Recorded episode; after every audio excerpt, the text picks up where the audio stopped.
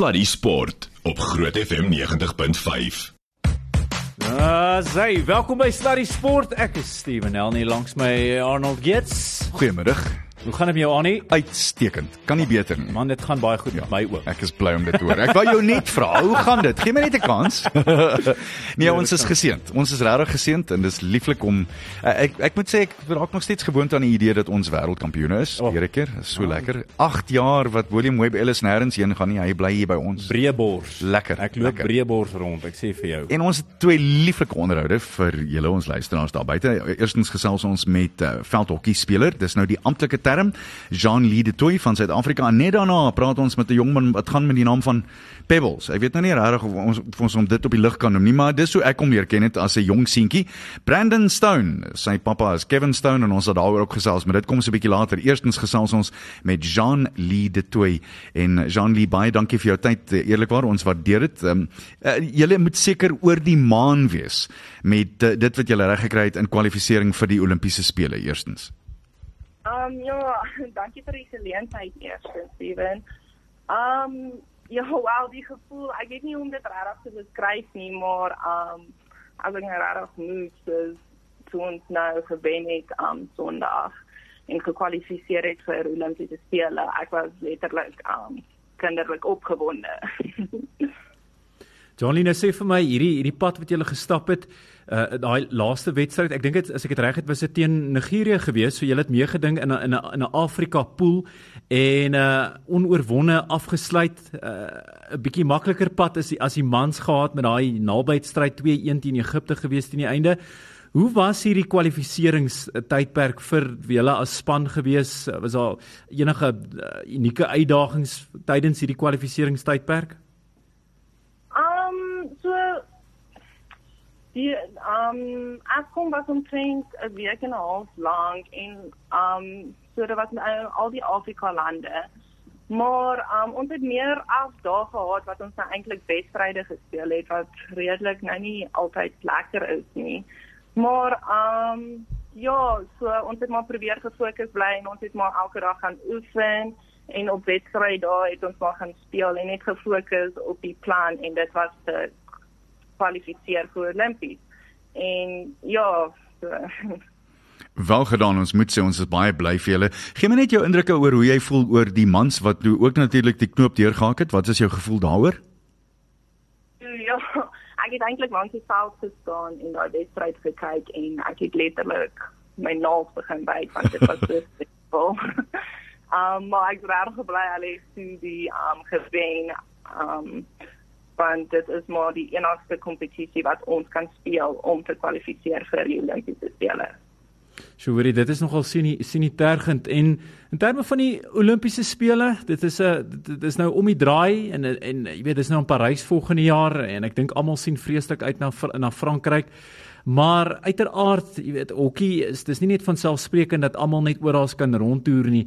Uh, vertel maar 'n bietjie van die uitdagings wat julle wat julle gereeld tref. Ek dink veral in terme van borgskap en en en en finansies. Dit is natuurlik ons vier nou almal die wêreldbeker met die Springbokke, maar dis net 'n hele ander ballgame. Nie net tipies die spel nie, maar wat inkomste inkomste ook betref. Hoe lyk die situasie wat hokkie in Suid-Afrika betref? Um so hokkie is nie regtig erken as 'n professionele sport in Suid-Afrika nie en um so kan nie baie finansies nie soos jy gesê het. Maar um ja, ons maak meestal staat op ons borge en borge kom en gaan maar maar um soos ons afsigter gesê het, dis nie dat ons dit so net kan kry nie, ons moet dit al verdien. So ons moet regtig probeer goed doen en onsself net daar uitsit en probeer borge soos versamel en dit. Um met die borge, die finansiële hulpbronne, dit sal soos bydra tot die verbeteringe tot internasionale ver um blootstelling want dit is al ons op 'n internasionale vlak kan kompeteer teen die ander goeie lande. Um en in Suid-Afrika is dit regtig moeilik. Meeste van die spelers werk nou en um is studente so ons is ook nie gesentraliseer nie so ons probeer maar net ja nog lewe en dan ook ons liefdes vir hokkie te oefen. En dit is natuurlik bitter moeilik om by die ligas oor see in te kom en daar 'n plekkie te kry om te kan speel, nie waar nie? nee, beslis. Jean Lee, as jy kyk na as jy vooruitkyk na die Olimpiese spele, wat sien jy vir ons uh, hokkiespanne in die kristalbal? Um ek sien meeste uit om teen um op die grootste verhoog letterlik hokkie te speel in die beste lande daar. Um ja, ek weet nie dit is nogal skool dat net een land van Afrika nou kan gaan en dit is nou gelukkig ons. So ek dink alsweer die vrouens en die manspanne sien baie uit. Ek kyk onlangs op uh, sosiale media, ek sien die die die, die hokkie dames maak toe nou 'n video waar almal nou sidestep en hulle beste rugby tegnieke daar tentoonstel en dit lyk vir my asof die gees uh, lekker is daar tussen die tussen die dames en dit gaan goed. Daar is is daar 'n lekker gees tussen die tussen die spelers kom almal darm goed oor die weg en moenie bekom nie. Ek kan ons sê ons sal van niemand sê nie. Um nee, die gees dis regtig briljant in die span. Um ons is dus ons het 'n paar jong tieners in die span en dan 'n paar nou nie ou vrouens nie, maar meer um ouer spelers. Dames met ondervinding is eintlik wat jy wil sê. ja, dames met meer ondervinding ons.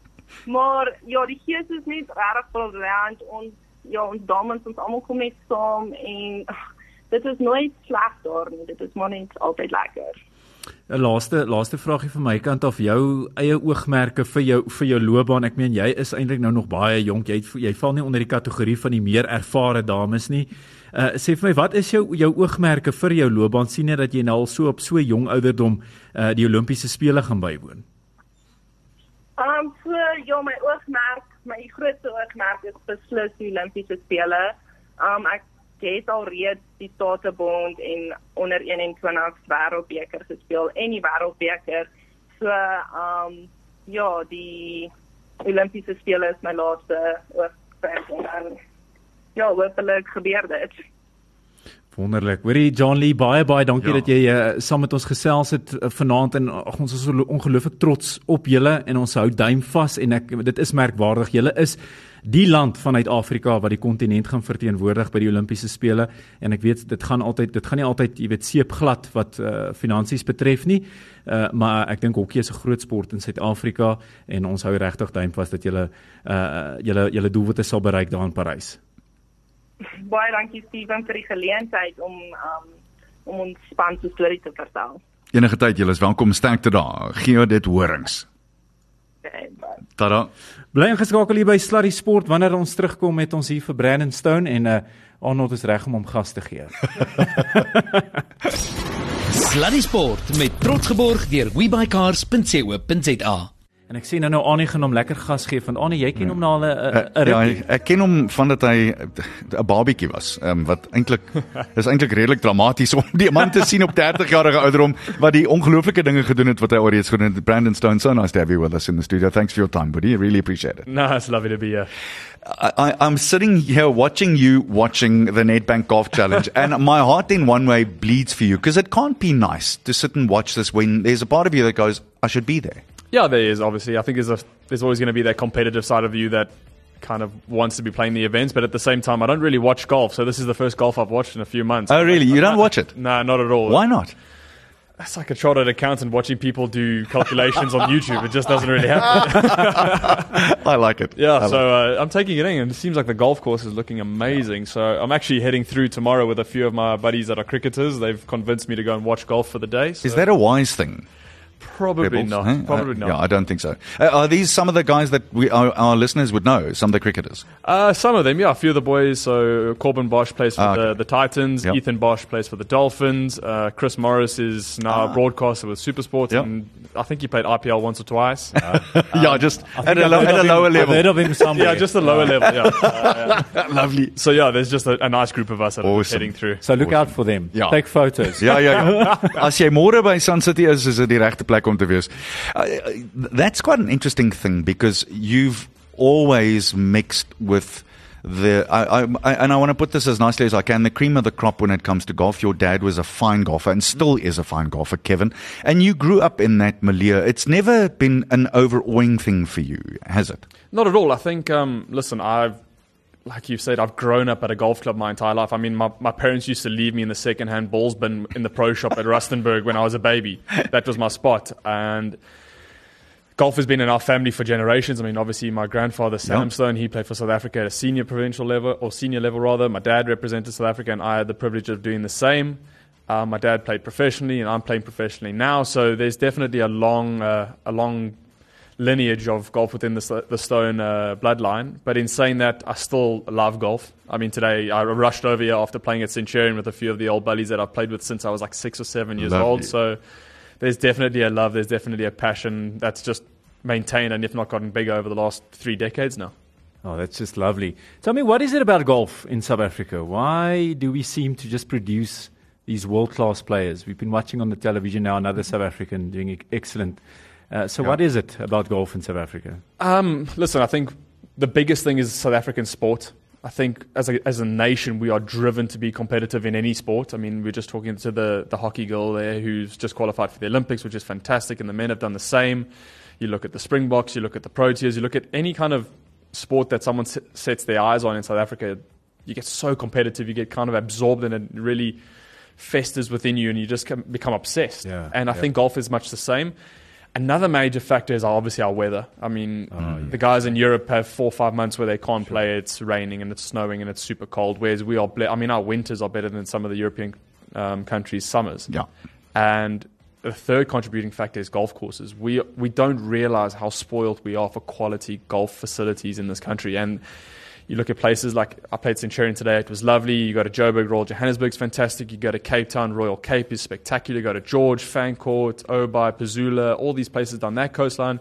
And then you go down to Durban. You've obviously got Mount Edgecombe. You've got some BTs and Bali. I mean, Durban Country Club's Durban Country Club is one of the classics. Hundred percent, and they're doing a massive renovation there now. So mm. that'll be back to its former glory, which everyone I think is really looking forward to. And you put that combination together, and you just know you're going to get a recipe for success. And you don't have to look very far down the history books of worldwide golf to see a South African name, a South African flag. And uh, I don't think it's going to stop. You look at that. What did we have? Six guys in the field this week Yep. at the Nedbank. I guarantee you there'll be a, a big push over the weekend to try and get their name up that leaderboard. Maybe something happens at the Race to Dubai final next week, but then we've got the whole new season starting up at Houghton for the Joburg Open, and it all just kicks off again. And uh, yeah, there's definitely going to be some success for the South African golfers in the years to come. And you can always play golf during load shedding. exactly, exactly right. Let's talk about uh, you losing your card. That could not have been a nice experience, Pebbles, because I, I think you you burst onto the scene and then all of a sudden it just wasn't there anymore. Yeah, listen, I think um, in any situation, external factors always contribute internally. And uh, last year we had some trouble within the family.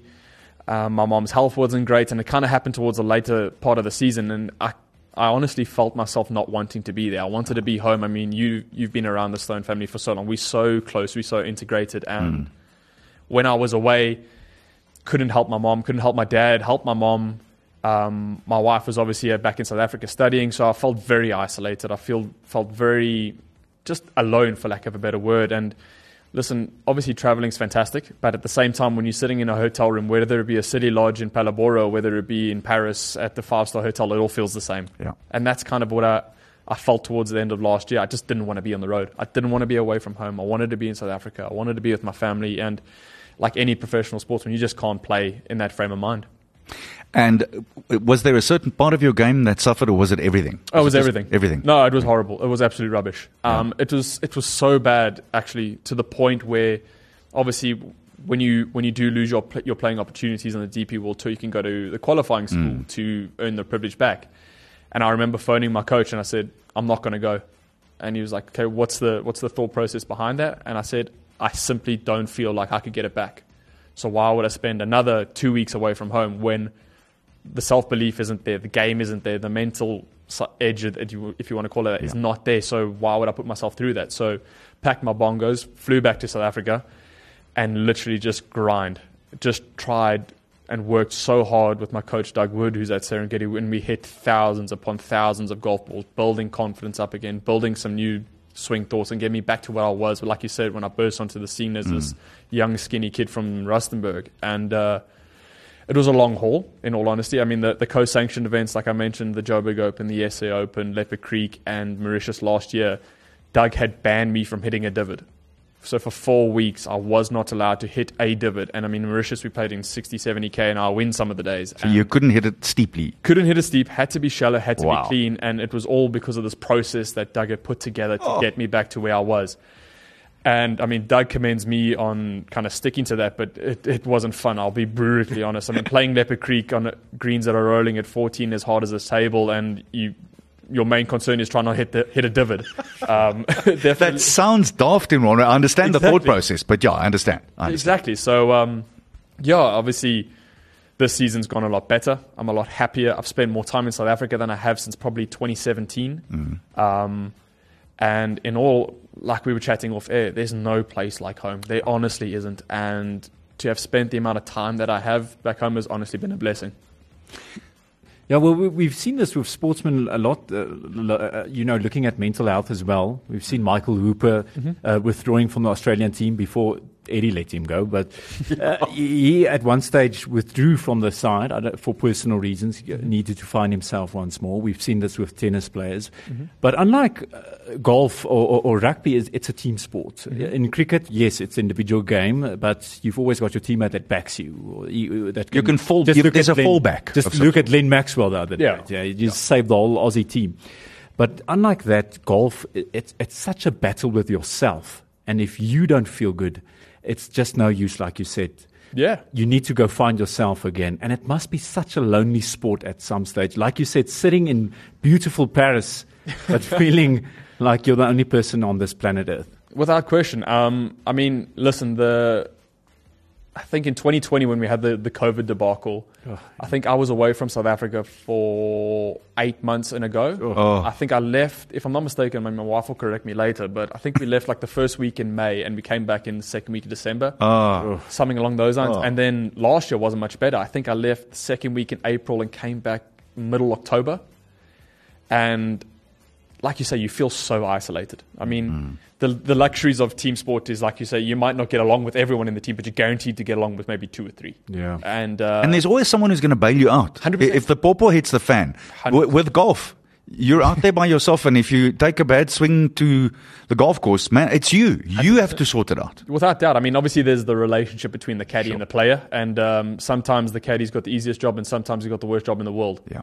Um, but like you say, you're alone, and when you're looking at a result, like for example, if South Africa played India in the cricket the other day, it's South Africa versus India. Whereas you look at a scoreboard or a leaderboard at a golf tournament, there's no hiding. It just says Brandon Stone, 100%. plus seven. You know, that- Correct. yeah, when yeah, that yeah. leaderboard keeps scrolling and scrolling and scrolling, and all your friends and family back in South Africa are still waiting to read your name, and then the scoreboard goes off, and they you get phone calls that saying, "Oh, uh, Are you playing? yeah, are you, are you playing this week?" Did you tee it up? exactly. I'm trying my best out here. I might have shot 77, but I promise I tried every shot.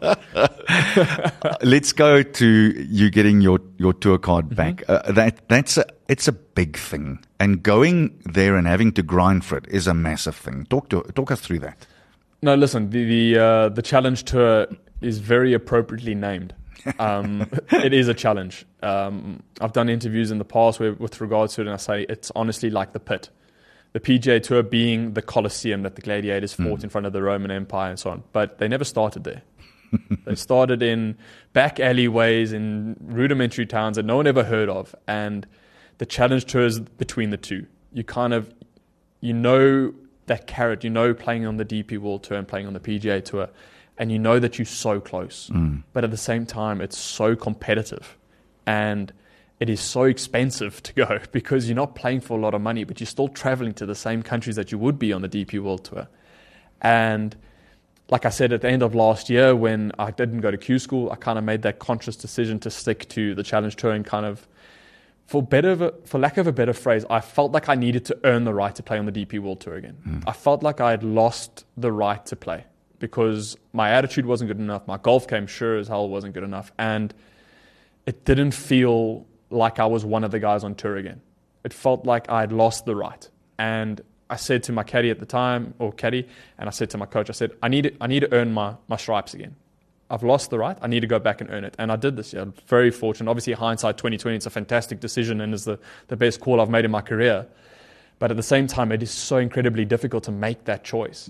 And uh, funnily enough, uh, this last final event, at the end of the day or so on, Chase, my caddy, and I, we were sitting in the locker room. I was literally lying on a bed of towels because I couldn't stand to go watch the guys finish because my fate was still up to up to question.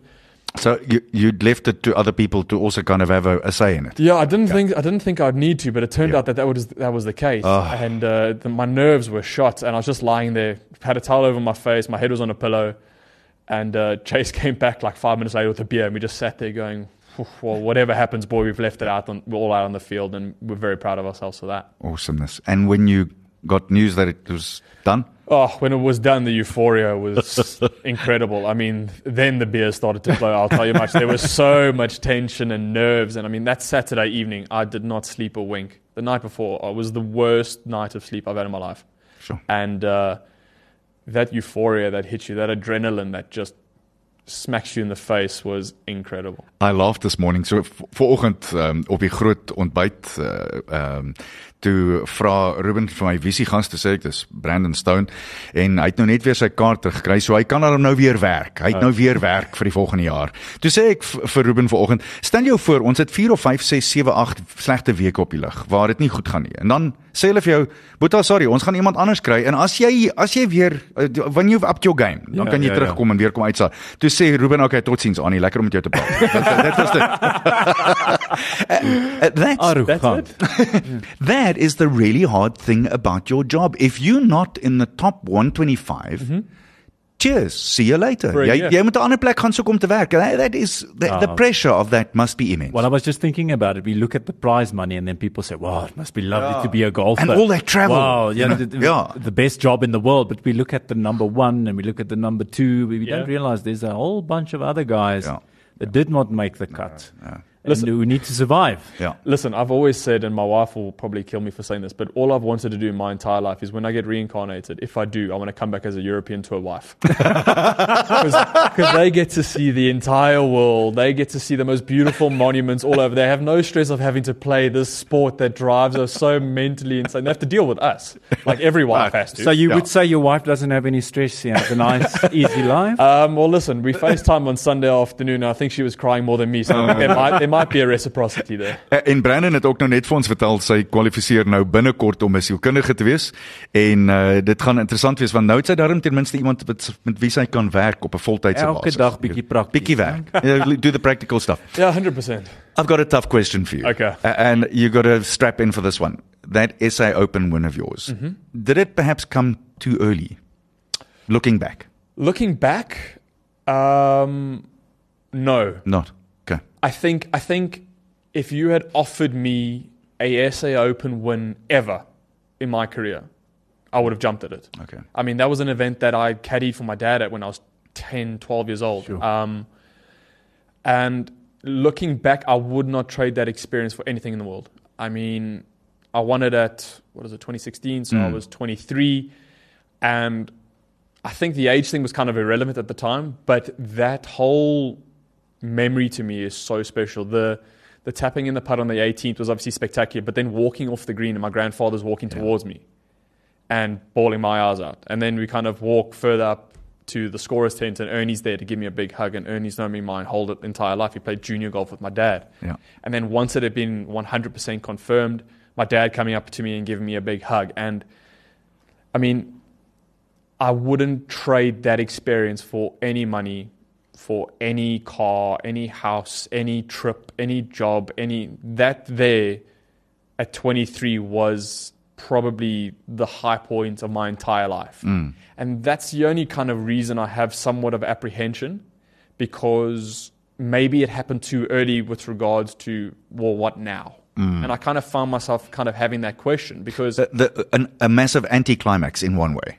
Yes and no, because when I was 13 and I was on a putting green at Centurion, I practiced putts to win the SA Open. Okay. and it's kind of like, well, now what? Mm. You kind of, you've, you've done that. Mm. And it was kind of a shock. And I remember sitting at home like a few months after, once it had really settled in and kind of thinking about, well, what now? What's the goal now? And then obviously you think major straight away and so on. And that'll always be the dream. But there's, in my opinion, there's always been a difference between a dream and a goal. with in that regard. I knew I had the capabilities as a kid from Rustenburg to win the SA Open, mm. and I had a massive kind of identity crisis with regards to that because now I'm on the DP World Tour.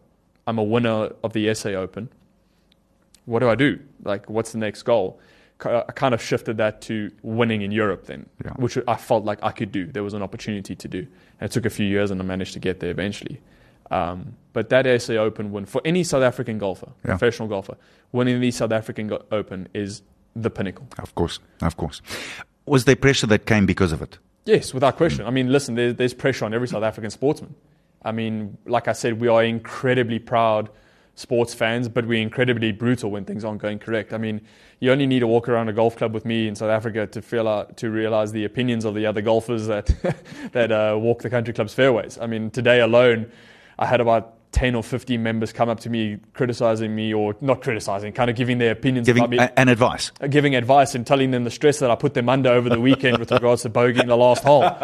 And I said, if you were stressed, can you imagine my side of the thing? I mean, I could, I could barely not bear myself there. Um, and there was obviously an expectation. Um, you obviously, but you need to look at the guys that have been before me. You're looking at Charles, you're looking at Louis, you're looking at Gracie, you're looking at Retief, Ernie, Richard Sterne, the list goes on and on. So they were big boots to fill. And I, like for lack of a, a better understanding of the phrase, but I never filled them. And, Oh, I don't know about that, huh? I don't know about that. well, I've got better hair than some of them. So, uh, I mean, that- uh, No, look, uh, Pebbles, I think it's a good point to, to discuss and think about. But on the other hand, geez, the, the, the SA Open win mm-hmm. quite clearly elevates you. Mm-hmm. And there are, I would go literally thousands of pros who've won in other areas that would trade all of those wins for the one SA Open. So there is that. I mean, that, that win of yours uh, in, in where you shot 61, uh, that is, 60, yeah. oh, the 60, that is just, and I mean, I, I, I felt such deja vu because the last time that you and I played together, you had a putt for a 59 on the last green. I remember right. that so well. So the fact of the matter is that, yes, you can say so, but you're 30. There's, you, honestly, I think so many guys only mature so much later. And there's so much to still happen in your career. I'm convinced. oh, without question. I mean, I uh, like we say, I was obviously came onto the scene quite early. I mean, this is my tenth year as a professional already. I can't believe is- that. I couldn't believe it too. Really? My wife and I were chatting about it earlier, and uh, it's. I've definitely always felt like my best years would be in my thirties. Um, I didn't expect to have to start them on the Challenge Tour. I'll be honest. Um, but going into this following season, I felt like I've matured not only as a golfer but as a person. Mm-hmm. I do feel like I've broadened myself as a person. I've, I understand more things. I understand how to travel better. I understand kind of myself because, in all honesty, professional sports is 90% self identification. Yeah. You have to figure out your process. You have to figure out who you are, what you need to do to perform at that elite level. And it's taken me 10 years, but I finally feel like I'm getting to find my correct process. Okay. It's not there yet, like we were discussing off air, but we're getting closer. And it's that constant little search for those little one percenters the whole time that makes such a big difference. Well, if you look at the World Cup final, I'm going to uh, point to rugby again. Deon Fourie ending it at uh, as playing uh, playing captain at the age of 37. Uh, I mean, he thought his career career was was over, playing second league in, in France, coming back just to assist the younger guys, and now finishing up the World Cup as the captain on the field at that stage. But when you said uh, achieving many things at a young age, it also makes me think of a guy like Francois Steyn, winning the World Cup. Uh, what was he like, 19? He was 19, yeah. He won like everything at that stage of his life, and he's a guy that never played under test for the box, and he should have. He should have been one of the greatest players ever. And he will admit himself that things went a bit haywire. Yeah. He went to France, uh, well, not France Stein, but he went to, uh, to Frankrijk, and he didn't have the best time there. And uh, he said his attitude wasn't right. And that's another question: What do you do when you when you achieve so much when you are so young? Do you think us young sportsmen need more mentorship? Definitely. I think, um, listen, I am truly blessed to have the parents that I do. Um, I have a father who had played professional golf around the world. So you, I had that side cover, and I have one of the most strong mothers that any guy could ever hope for. Hmm. And they were pivotal in getting me where I am today. And at the time of 23, the same, getting me to where I was. And you need to have that level of mentorship. I think the one thing that, from my opinion, look from the outside looking in, that Rassie's done so well is the senior group in that squad is hmm. incredible. Hmm. They are leaders everywhere you look in that change room, and we've we kind of lack that in professional golf at the moment. But when I had started, I mean, I remember when the first few years that I was on tour, if I had a good result, Ernie used to message me. I mean, if I was in Florida, Retief phoned me a couple of times to play around a golf. Wow. So there's definitely an element of that in professional golf, but I feel like there needs to be more. Mm. It's just quite difficult because you're constantly traveling away from away from situations where you could mentor. And I mean, this year on the Challenge Tour, I mean, like I said, I'm 30 years old and playing with Casey Jarvis a couple of times, who's an incredible talent.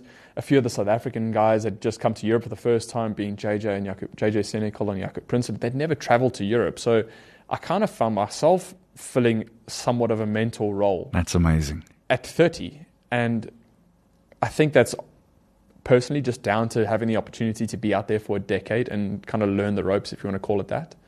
But I would definitely agree that there's, especially with early success, you need to have someone that regulates you, if that makes sense. If you're down, brings you up. If you're up, brings you back a little bit of humble pie and kind of keeps you constant. Because that's what the best guys have. Yeah. Yeah, Uh, I'm interested to hear what what would you have said to someone like a, a, a young Casey Jarvis who's got bags and loads of, of talent. What do you say to a kid like that at first? I mean, we had a a very short private chat on Sunday night. Um, after everything, we were at the function to end the season and a little celebration. I pulled him to the side and I kind of said, "Listen, mate, take this in mm. because you don't want to have to experience this again. And enjoy it. Take a few days when you get home, but you need to start working because now the grind starts. Because now work starts." Yeah. and we kind of sat there and chatted a little bit and said a few things that we'll keep between the two of us. And I could see that he realized, obviously, this is fantastic and this is amazing and it's the high point of his career, but it's not going to be for very long. He's the kind of guy that could win a Joburg Open in two weeks' time Yeah. or an SA Open the following week. He's the kind of guy that can reach top 50 in the world, play majors, and compete against the best. And it's nice to see a young guy with such ambition because I remember being that 10 years ago. Yeah. That's lovely. Let's talk majors. Okay. Um, uh, look at your major record here. Tied 12th at the PGA Champs in 2018, 35th American Open 2017, and Open Championship 2018. Out of the, f- uh, you haven't played in the Masters. Uh, out of the, the four of them, if you could cherry pick one, which one would it be? Which trophy would you like to bring home? It's kind of changed. I think when I turned pro, it would have been the Masters. Yeah. Um, because I used to remember that would be the only few nights a year I'd be allowed to stay up, up past my bedtime and my dad would let me watch the golf. when I was on air with it. Yeah. Correct, exactly. I remember going to the studio with the guys. Yeah. Um, but I've fallen in love with links golf Ah, okay. um, over the last probably five, six years. And there's something about the Open that's different. I think it's the spectators, it's the, the atmosphere, it's everything. And I think at the moment, it's probably my number one. Okay. Uh, it's a di- very difficult thing because I think most guys who know how to play links golf who, and who, who- who start understanding what links golf is about want to go British Open. Most of the other guys, I, the Americans, would obviously it's a it's a toss up between the two. What is it about links golf that's got you now? It's brutal. it's honestly brutal. It's like getting into the ring with Tyson Fury for 18 rounds. That's all it is. Every single hole is a slug, Yeah. especially open. They set it up, set it up so brutally, and you kind of find yourself clawing away at a round of golf for five hours. That's all it is.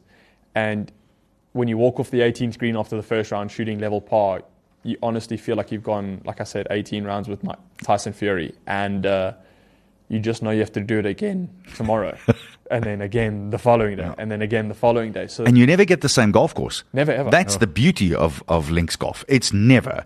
Uh, one day is completely dif- different to the next. Without question. I mean, I remember when we had the Open at Carnoustie. I played Carnoustie in the Alfred Dunhill Links five or six years before that. When we got there, the golf course was like a cricket pitch. Yeah. And we were hitting shots I'd never hit before. Like the 18th, we were hitting drivers into the burn at the green on Tuesday. And I said, I'd never played this golf course. Every single round I'd played before I got here is irrelevant. now. Yeah. Me thinking that I'm going to be super comfortable playing a golf course for the for the first time at an Open that I've played many times, and it wasn't the case. Throw the yardage book away. Throw the yardage book away, get a windsock and strap it to your golf bag because you just know what's coming. Daar gaat ons. Correct, and off we go to the races. Unbelievable. But Gullane was a bit like that. Your your win Mm-hmm. there, uh, Gullane is. I've played it uh, just up the road from Muirfield. It's and it's a beautiful. But that's exactly it, isn't it? Burnt to a crisp. Yeah.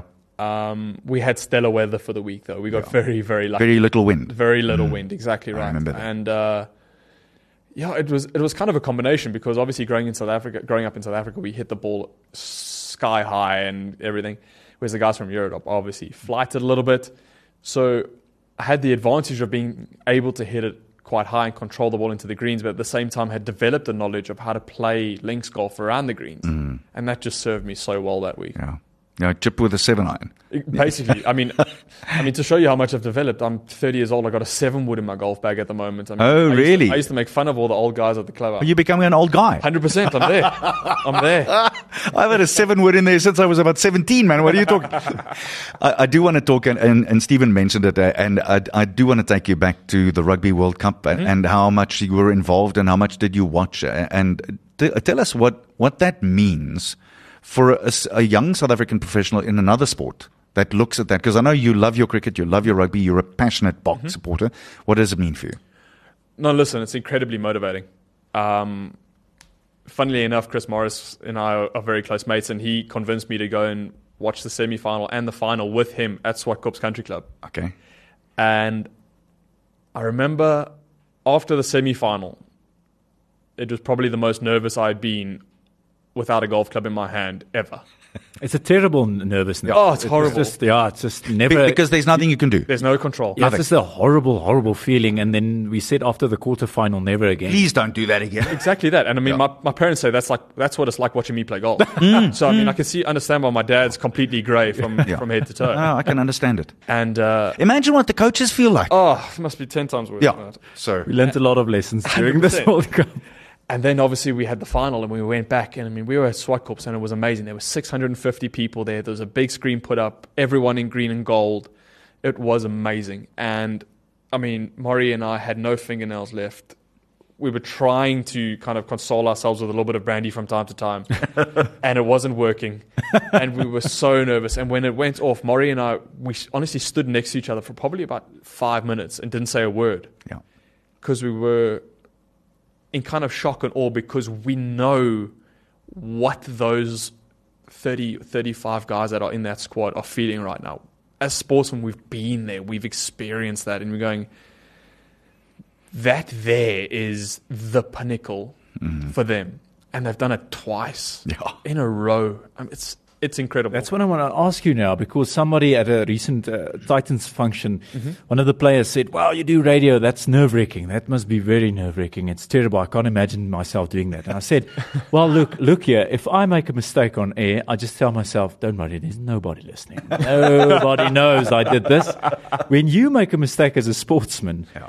Not even if there's not one person in the stadium, there's not nobody attended. You know, there's a camera on your face.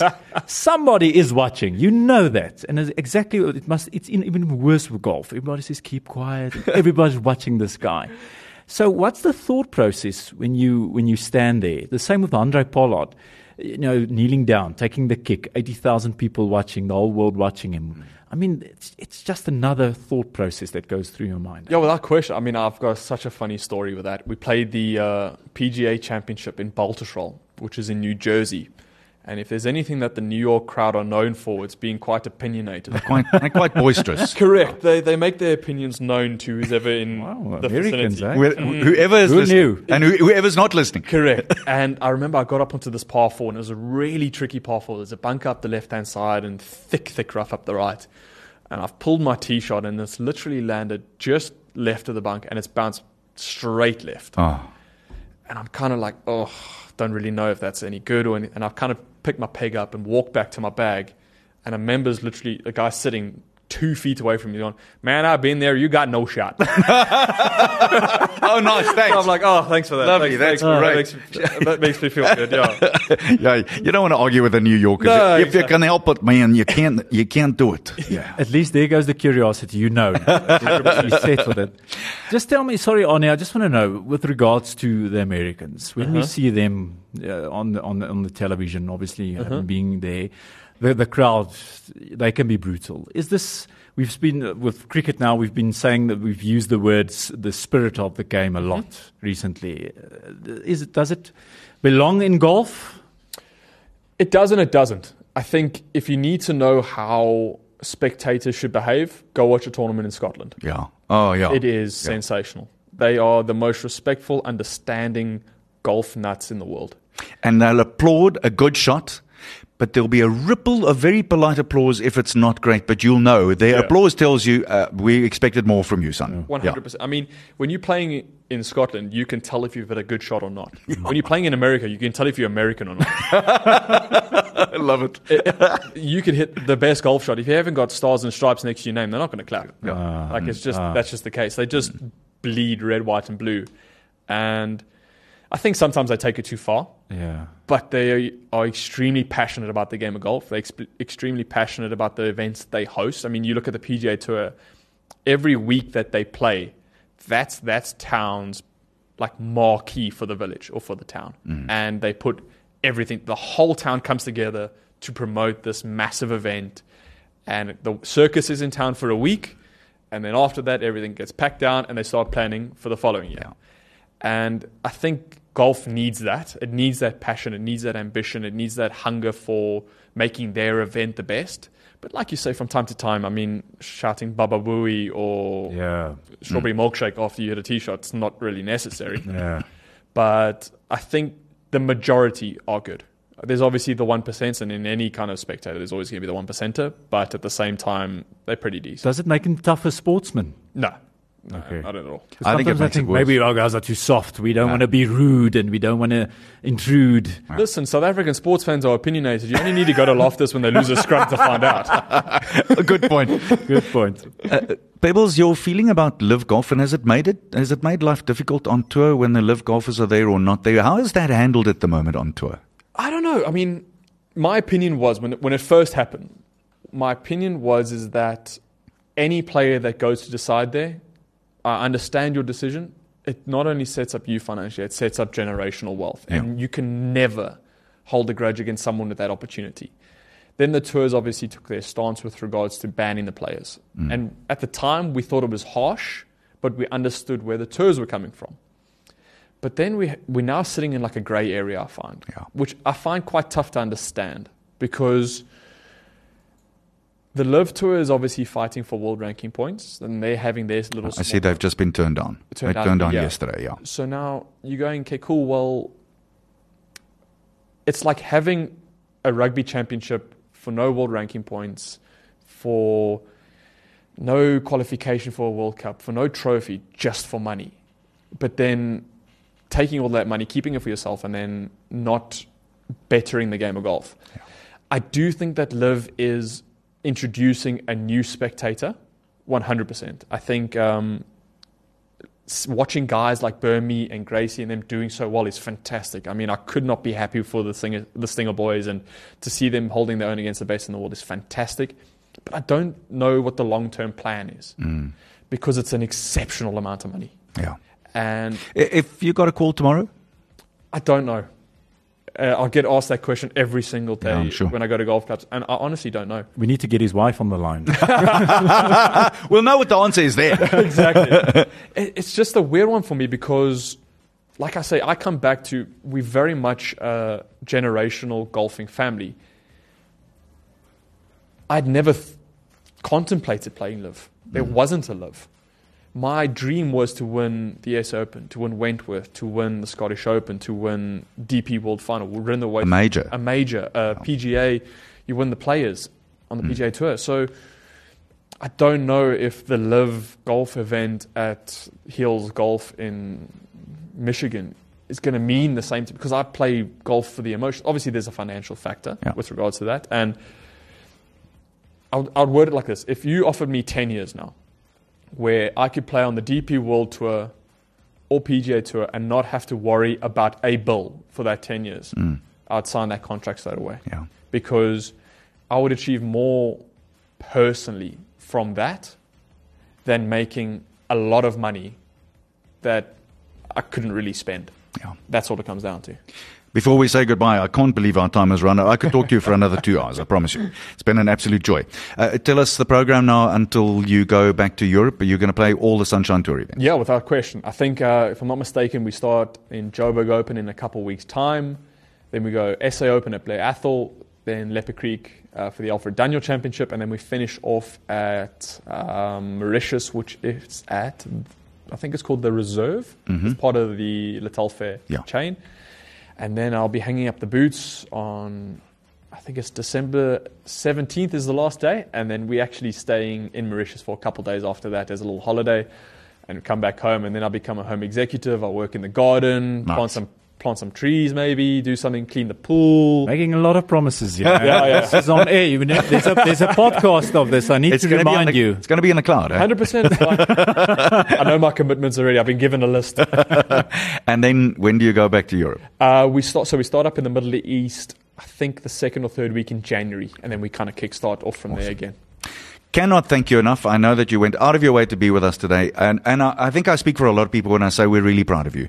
As South Africans, we are immensely proud of you. And the fact that you fought back and got your card back, I doff my imaginary cap to you. Well done. And a great pleasure to chat with you. Thank you very much, guys. Thanks. Appreciate it. Brendan Stone, thank you so much for joining us. And wow, what a talk. I really Yeah. enjoyed this. Thank you for coming in. and uh, yeah, good luck with your chores. Yeah, thanks. Tyd om ja, sterkte daarmee. Eh, Tyd om totsiens te sê. Ek kan nie glo nie die Bulle speel môre aan teen Cardiff en uh, ek hoor goeie goeters. Dit lyk of dit goed gaan. Ek sien uit na daai ene. Ja, sê ja, die uh, Verenigde Rugby Kampioenskap wat voorgaan sterkte bulle Hmm. en uh, ja, dit was 'n uh, sluddy sport aan jou gebring met komplimente van WeBuyCars. WeBuyCars, Suid-Afrika se nommer 1 aankoopdiens by, By verre. verre. Dankie ek sien jou volgende week weer. Tot dan toe. Totsiens. Bye. Sluddy Sport met trots geborg deur webycars.co.za.